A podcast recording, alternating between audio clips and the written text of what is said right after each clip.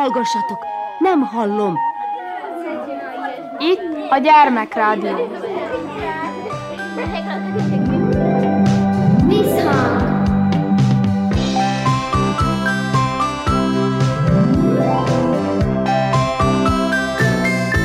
Visszhang! Visszhang! Sziasztok, Körnács Erika vagyok, szeretettel üdvözöllek benneteket.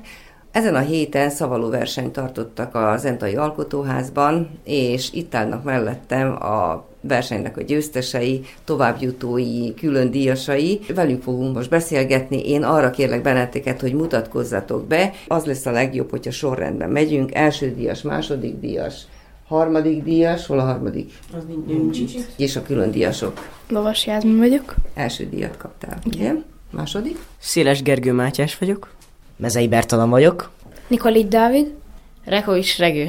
Én azt hiszem, hogy itt már nincs is ismeretlen arc számomra. Olyan tanulókról van szó, akik már megpróbálták magukat a szavaló versenyeken, vagy írásban, vagy valamilyen módon, színházi előadásban, ugye, némi tapasztalattal rendelkeznek. Jászmin, arra kérlek, hogy mondd el nekem, hogy mióta szavalsz, és miért jelent számodra az, hogy kiállsz a közönség elé kihívást, feladatot? Amikor az első osztály kezdtem, akkor kezdtem el ö, elsőnek szavalni. Én minden pillanatát szeretem elmondani ezt a verset, amit választottam, és amit az író próbált a hallgatóinak vagy az olvasóinak elmondani, ezt én próbálom ugyanúgy. Igen. Gondolom, hogy az ember azért hozzáteszi a saját gondolatait is, nem véletlen választasz ki egy verset, ugye? Tehát Igen. azért neked is kell, hogy jelentsen valamit az a vers. Ö, igen, én nagyon szeretem ezt a verset, amit most mondtam, mivel Mondd a címét is. Terék Anna Maja. Egy hatalmas fájdalom van a, az íróban, és amit az író próbál elmondani, és én ezt az egész, az összeset átélem, és tényleg nagyon, nagyon szeretem ezt a verset. Igen, nagyon fontos az, hogy az ember átélje, ugye? Milyen eszközeid vannak arra, hogy a közönséget megfogd? Eljuttasd ezt a szöveget a közönséghez. Az is fontos, hogy meglegyen a mimika, a, hangsúlyok, érteni, hogy mit jelent a vers, mert hogyha nem érted a versnek a lényegét, akkor igazából már csak elmondod, és akkor már nem is ugyanolyan a vers. Tehát magadévá kell tenni ezt a szöveget, ezt így szokták mondani, ugye? Igen, mert hogyha megszereted a verset, akkor igazából már a vers maga jobb lesz. Hogyha tudod, hogy hogy kell elmondani, hogy érzed, hogy ez neked benned van, te tudod, és tényleg szereted ezt a verset, Igen, ezért kell az embernek saját magának választani egy szöveget.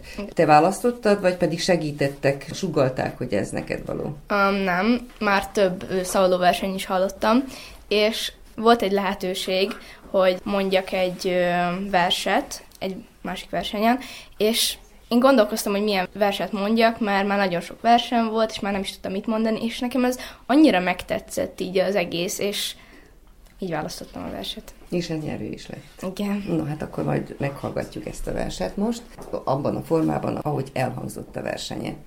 Terék Anna. Maja. Az öcsém úgy tűnt el az egyik pillanatról a másikra, ahogy mindig szerettem volna. Mint a mesékben. Láthatatlan lett. Együtt futottunk haza. Egy zacskó tojásért küldtek bennünket. Anyám a lelkemre kötötte. Ha elkezdenek gránátozni, dobjuk el a tojást, és fussunk, ahogy a lábunk bírja. Futottunk. A zacskóban reszketett 12 tojás, és útközben egy tört csak össze. És még láttam, hogy visszafordultam, ahogy a piac térnél. Átfut a zebrán, szétnéz, a járdához ér,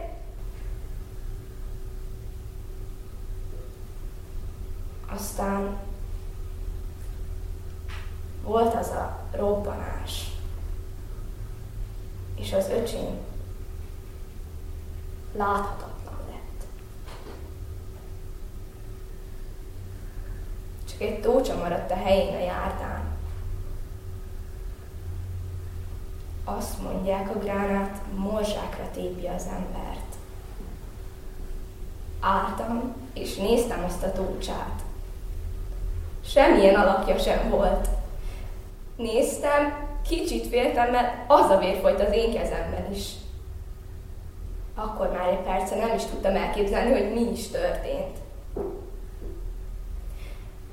Csak álltam.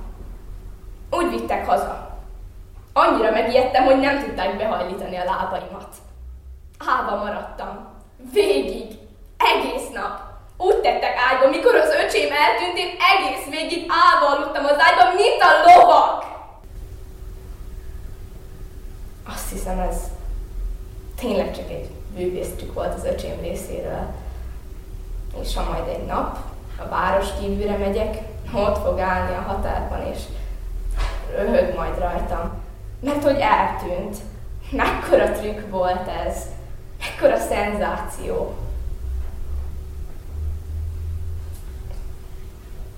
Én meg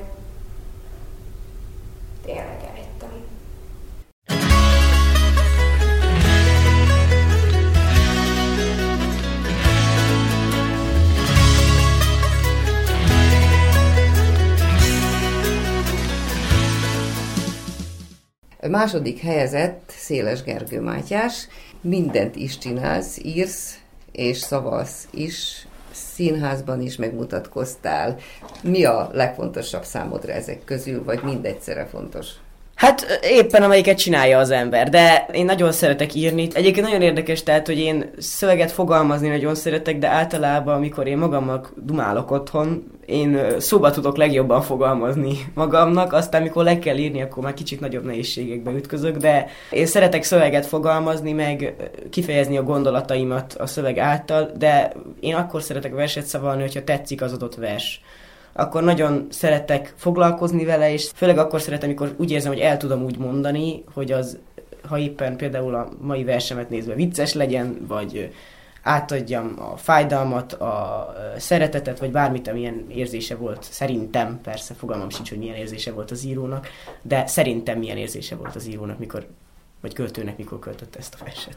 Igen, de azért kell, hogy találkozz ezzel az érzéssel, tehát tovább vidd az írónak a gondolatait, vagy a magadévá tedd, vagy Hát az, hogy én általában, mikor megtetszik egy vers, az általában nem úgy szokott megtetszeni egy vers, hogy én elolvasom, és akkor nagyon tetszik. Van olyan is, de ritkábban, mint mikor valaki elszavalja, és én meghallom, hogy mekkora potenciál van ebben a versben, tehát ezt a verset is én a Youtube-on hallgattam egyszer. A Hauman Péter színművésznek van egy nagyon jó előadása ebből a versből, és én azon halálra röhögtem magamat.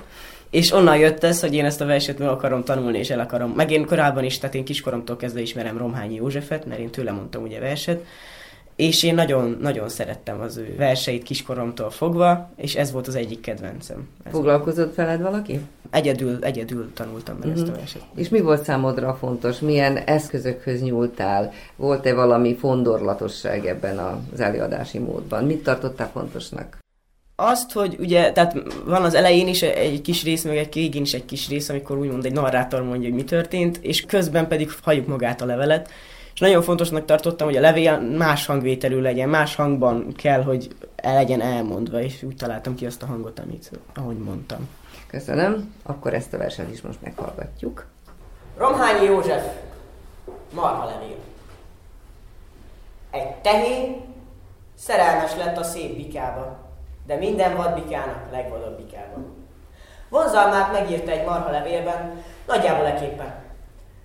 Hatalmas barom, Bocsássa meg, hogy néhány sorommal zavarom, én tudom, mi elfoglalt, mi megbecsültön, mégis tollat ragadott csülköm, hogy amit marha nyelv elbőgni restel, így adjam tudtára, mester.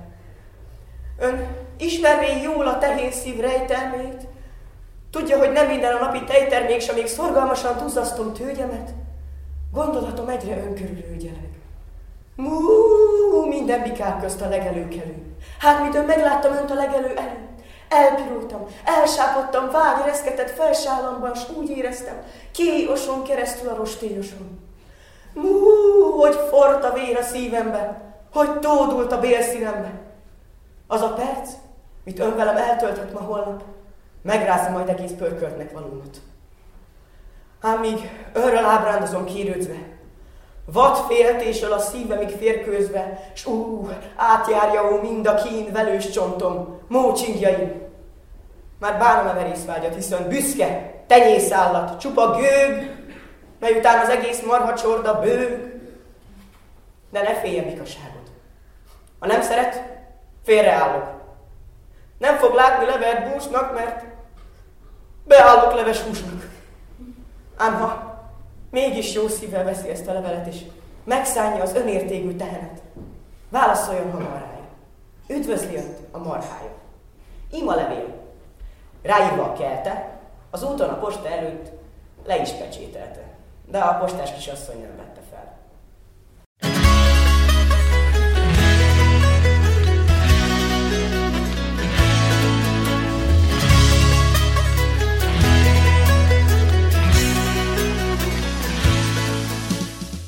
Három külön díjasunk van, Mezei Bertalan. Nem tudom, hogy mondtál-e eddig verset, mi személyesen ismerjük egymást, viszont nem hallottalak még verset mondani. Ez az első próbálkozásod, vagy van már mögötted egy tapasztalat? Hát elsősként, még amit óvodásként olvastak nekem a Jeromos a Remeterák című verset. A szabadó versenyekre nem is jártam, aztán hatodikban ka- megkaptuk a testvéreimmel, azt hiszem karácsonyra, Varó Dániel a Szomjas Troll című verses mesés kötetét, és abban van az első mese, a Szomjas Troll, a címadó, ami nekem annyira megtetszett az egész hangvétele, ahogy nyíltan szembe megy és kiparodizálja a klasszikus hős formulát, tehát ahogy a, a troll a próbatételeket adó goblint leüti a bunkójával, nem a jó tündértől, hanem a sellőtől kap kívánságokat, és nem sok észt és szerelmet és sok pénzt kér, hanem a bunkóját, amit összetört, és végül az vezeti sikerre, és nem a királylány szabadítására indul, hanem hogy a szörpjét visszakapja, amire szomjazik. Annyiszor elolvastam, hogy nem tervszerűen tanultam, hanem csak úgy a versnek a 70%-a megragadt a fejembe úgy. És utána még itt-ott hozzá kellett oldani, hogy meglegyen a nagy egész, uh-huh. és meglett, viszont ez nagyon nagy bánatom, hogy nem mehetett el a szabadó versenyre, mivel több volt sokkal, mint három perc, ugye ez egy ilyen 6-7 oldalas, egybefüggő hosszú mesefolyam, ráadásul még rövidíteni sem nagyon lehet rajta, mert annyira nagy egész az egész együtt. Úgyhogy azzal tavaly nem is mentem szabadó versenyre. Ugyanebben a kötetben viszont a másik mese, a leprikónok átka, amit most is mondtam. Igazából nem is az egészet, csak a, az első bevezető részt, mivel ez egy egyfajta ilyen szerepjáték, ahol egy kis viking kalandor mindennapjaiba élhetjük bele magunkat az első két oldalnyi szövegben. Onnantól pedig számok vannak a sorok végén, és ki lehet választani, hogy a kis viking vitéz mit csináljon. Ezért is van az egész második személybe. Általában a verseket úgy szoktam mondani, hogy valakinek a közönség soraiból, mivel van otthon nagyon sok testvérem, ezért nekik szoktam elmondani. Ők a otthon. közönséged? Igen, uh-huh. és ezért, ha valakinek elmondom, az már sokkal, tö- sokkal személyesebb lesz nekem az a vers, mivel általában ugye ilyen verses meséket mondok. Most is például Magykónak és az osztály, osztálytársamnak, Blankának mondtam el ezt így az egészet a szemébe nézve a közönségnek a leghátsó részéből. Látszott is, hogy nagyon jól kommunikálsz a közönséggel, és az is látszott, hogy ez a stílus neked nagyon fekszik. Miért? Ez a verses mese valahogy mindig nekem szimpatikusabb volt, mint az egyszerű leíró költemények. Érdemesebb elmondani. Sokkal dinamikusabb, több lehetőség van Igen. kiélvezni egyes szakaszait. Például ennek a, az én vers részletemnek az első fél oldala például egy ilyen, egyfajta vádirat a felnőttek ellen, hogy kis viking vitéz létére nem tarthat otthon sárkányt, és nem forgathat kardot. A második rész tulajdonképpen az a leghumorosabb, ahol a felnőttekből gyerek lesz, és hirtelen fejreáll az élet a kis faluba. Aztán az utolsó részében pedig rájönnek, hogy mégiscsak kellenek azért a felnőttek, viszont nem lehet őket sehogy se visszaállítani az normális viselkedésüket. Nem kergetik el például a sárkányt, ugye itt is van egy nyílt szembemenés a mesével, hogy a királylány nem a királylány, hanem ő egy állatfaj, akinek megcsapan a száma, mert jönnek a sárkányok, mint egyfajta farkas kártevő. Igen. Most annyira szépen részletesen elmondtad a tartalmát, hogy gondolom, hogy nagyon sokan kedvet kaptak ahhoz, hogy beleolvassanak ebbe a könyvbe, akkor most ezt is meghallgatjuk. A Varó Dániel, a leprikónok. Békés viking faludban ritkák az események, csak hébe-hóba dúrják fel ádáz meselények. Füstölgő orlikakkal elvétve csap le sárkány, ilyenkor ellopódik egy-egy viking királylány, és csak éjjel, éjjelente ülnek általában tort ott. Vérszomjas balrogok, meg döghúsa éhes orkok, Egy-egy vikingevő troll időnként bevetéved, a megszokott medrében így folydogál az élet. Duzzogva éldegélsz itt, te, kis viking vitéz. A mindennapjaidból hiányzik némi vész. Unod, hogy az élet itt így álmosan folyik. Bosszant a kis tesód is, tekert agyú jorik. Eszed a négy levelű lóhere főzeléket. Anyád széttincsű Thorhild mást sosem főzte. Kardot csupán egy szép, piros tokos fakard, nem ad kezedbe baltát, mézsör hasú harald, az apukád galádul, és az sem állapot, hogy nem tarthatsz te otthon sárkányt, mint háziállatot.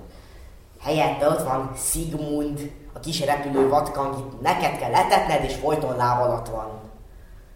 De mindez egy csapásra megváltozik nagyon. Zöldben tereng az ég, e végzetes napon. Kirajzolódik ott fenn egy háromágú jel. Felnőttek gyerekki varázsolódnak el. Komor viking falutban badarság üt tanyát, idétlenül visongnak az ord viking anyák, a harcedzett apák meg, a marconák, a bőszek, nadrágikat letolva kerülten kergetőznek. Örülsz először ennek, te ezt mondanom sem kell, te is pucérfenékkel rohangászol lefel, Kardozni most már éles baltával is szabad, mészsör hasú haraldék már rá se rántanak. Hóban, sárban tapicskol minden viking gyerek, a főzelékevéstől is eltekintenek, reggelire fagylaltot esztek, ebédre csokoládét, és ettől nem gurulnak méregbe anyukádék, fülig a ők is, meg sárosak nyakig. Nagyon vidám az élet, úgy kb. két napig. De a harmadik napon aztán kezdődnek a bajok. A baltakardozástól mindenetek sajog. A királylányok száma megcsappan vészesen, ha sárkány száll fölétek, nem veszik észre sem a nagy butáskodásban a viking férfiak, eszükben sincs kardot ragadni és nyilat, az anyukák nem mosnak, mióta tart az átok, feneketeket csípi kis bőrgatyátok. A csokitól fogfájást kezdtek ti kapni, s agybajt. A fületeken jön már ki úgy szintén a fagylalt, hát főzeléket kértek. De erre anyukátok figyészt mutat vihogva és nyelvét ölti rájtok. A helyzet tarthatatlan. Hát nem maradt más hátra. Muszáj, hogy összejön a gyermekek tanácsa. Téged jelöl ki arra keménykötésű Mikka, hogy old fel ezt a bűbájt, derítsd ki mi a titka, és bár nincs nálad vagány a viking vitézke itt, veszélyes küldetés ez. Hát úgy intézkedik sajnálatodra ő, hogy mások szerint eszes, tekert agyú öcséd is segítségedre lesz.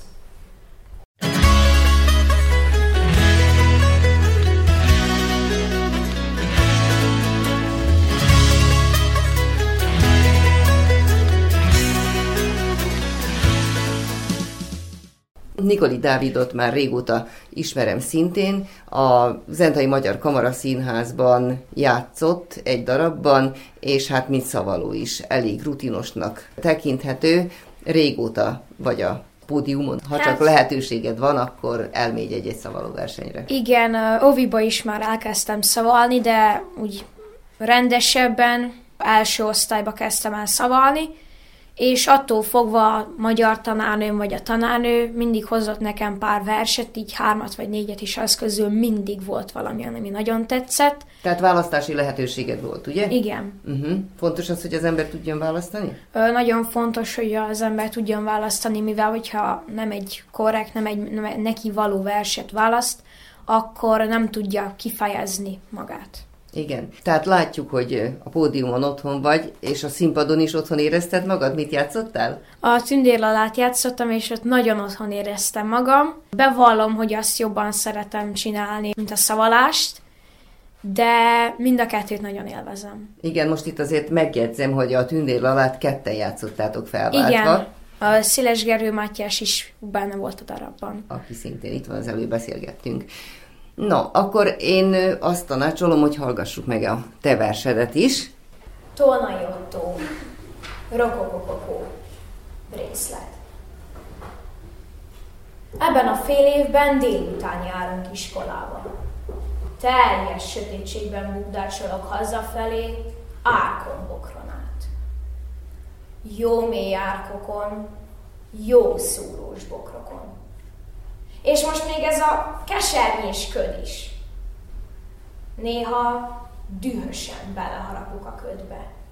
Hát, ha mégis sapadt a cukor. Még egy év, és jövőre el kell dőlnie. Döntenem kell, el kell döntődnöm. Ha nem is mint szép szál fenyőnek, hát mint szákás kuglibabának. El kell dönteni, mi akarok lenni. Lenni? De én még nem döntöttem el. Én még semmit sem döntöttem el. Csak tegnap a krizantémos vázát a füstszínkerek üvegasztalon. Meg néha neki megyek valakinek a ködben, és összerezzenek. Kész. Eldőlt. Várom puffanjon, de nem puffan. Neki megyek a platánnak. Hirtelen görcsösen megölelem. Boldog vagyok, hogy nem dőlt el. Boldog vagyok, hogy ölelhetem. A platán szeretem legjobban a fák közül. Ha fának lenni is foglalkozás lenne, akkor én platán szeretnék lenni. Néha dühösen beleharapok a ködbe. Hát, ha mégis csapadt a cukor. Tavaly délelőtt jártunk iskolába, és egy reggelre akkora köd lett, hogy nem találtam az iskolát. A rozsdás rács ott volt, de ben semmi. Hét éve vártam erre a pillanatra, és most végre bekövetkezett. Szépen elolvadt, mint kocka cukor a teljes kávéban. A rozsdás rács ott volt, de ben semmi. Hazaügyettem. Otthon mindenki megrökönyödött. Mi történt? Mondtam. Eltűnt. Mi tűnt el, kisfiam? Eltűnt az iskola. A rozsdás rács ott van, de ben semmi. Semmi. Láttam apám, kiosol, hogy ellenőrizze, igazat beszélek-e. Fél óra múlva hazasombolygott. Úgy tettem, mintha nem érdekelne különösebben az eset, de jól hallottam, ahogy magyarázta anyámnak. Valóban nincs ott. Mi nincs ott? Az iskola. A rozsdás rács ott van, de ben semmi. Egy fekete fogú gyerek vattacukrot majszolt közömbösen. Megkérdeztem tőle, kicsi, hová lett az iskola? De csak rándított egyet a vállán. Hát, ha egy napon eltűnik majd a házunk is. El a virág utcából. És én elevezek valahová. A fenébe. Ahol nem kell dönteni. Ahol nem fognak eldönteni.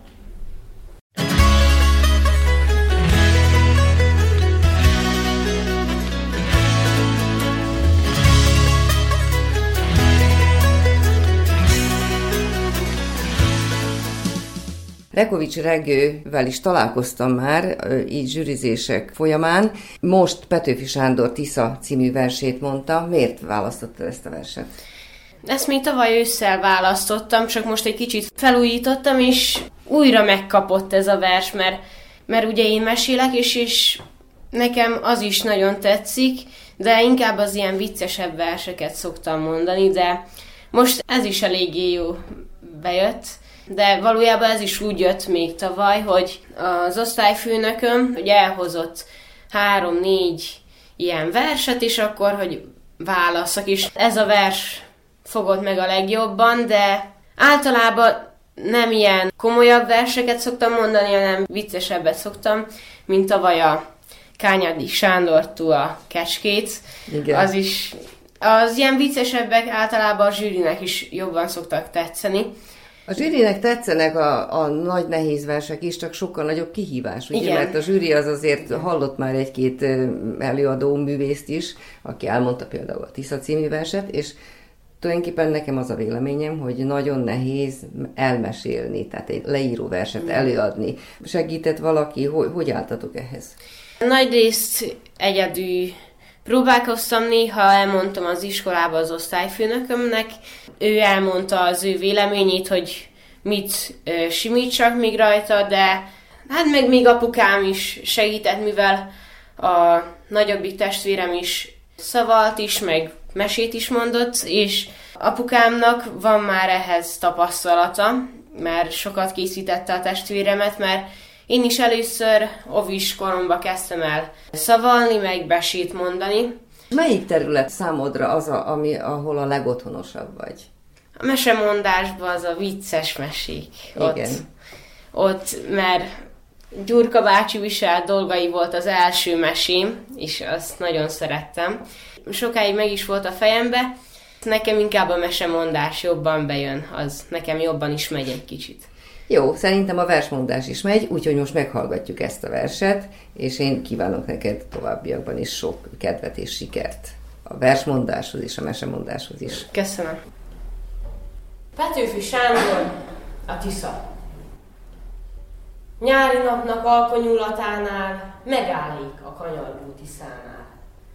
Ott, hol a kisfiú siet beléje, mint a gyermek anyja kevelére.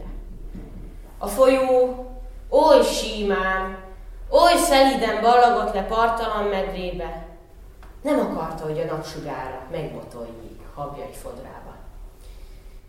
Síma tükrén a piros sugárok, mind meg annyi tündér, táncot jártak. Szinte hallott léptei csengése, mint parányi sarkantyúk pengése. Ahol álltam, sárga fövenyszőnyeg volt terítve, s tartott a mezőnek, melyen a levágott sarú rendek, mint a könyvben a sorok, hevertek. Túl a réten, néma méltóságban magas erdők. Benne már homály van, de az alkony üszköt fejére, s olyan, mintha égne, s folyna vére. Másfelől a Tisza túlsó partján, magyarós rekettye bokrok tarkán, köszök egy csak a nyílás. Azon át látni távol kisfalucska tornyát. Boldog órák, szép emlékek éppen rózsafelhők úsztak át az égen. Legmesszebbről rám merengve néztek, ködön át a mármarosi bércek. Semmi zaj. Az ünnepélyes csendbe egy madár csak néha füttyentett be. Nagy távolban a malom zúgása csak olyan volt, mint szúnyogdongása. Túlnam vélem áttelemben éppen pormenyecskért, korsó kezében. Korsóját még telemerítette, rám nézett, át, aztán nem sietve. Ottan némán, mozdulatlan álltam, mint a gyökeret vert volna lábam. Lelkem édes, mély mámorba szédült, a természet örök szépségétől. Ó, természet! Ó, dicső természet! Mely nyelv merne versenyezni vélet? Mi nagy vagy te! Mentő inkább hallgat, annál többet, annál szebbet mondasz. Késő éjjel értem a tanyára, friss gyümölcsből készült vacsorára. Társaimmal hosszan beszélgettünk, lobogott a rűzseláng mellettünk. Többek között, többek között szóltam én hozzájuk. Szegény Tisza, miért is bántjátok? Annyi rosszat hiabáltok róla, s ő a föld legjámborabb folyója. Pár nap múlva félszendergésemből félrevert harang zúgása vert föl. Jön az árvíz, jön az árvíz hangzék! Stengert láttam, ahogy kitekinték, mint az őrült, ki letépte láncát, vágtatott a Tisza rónán át, zúgva, bőgve törte át a gátot. El akarta nyerni a világot. Községi szavalóversenyt tartottak az Entai Alkotóházban. Azokkal a felsős tanulókkal beszélgettünk az elmúlt fél órában, akik a legjobb eredményt érték el a szavalóversenyen. Elköszöntőletek a szerkesztő Körnács Erika. Sziasztok!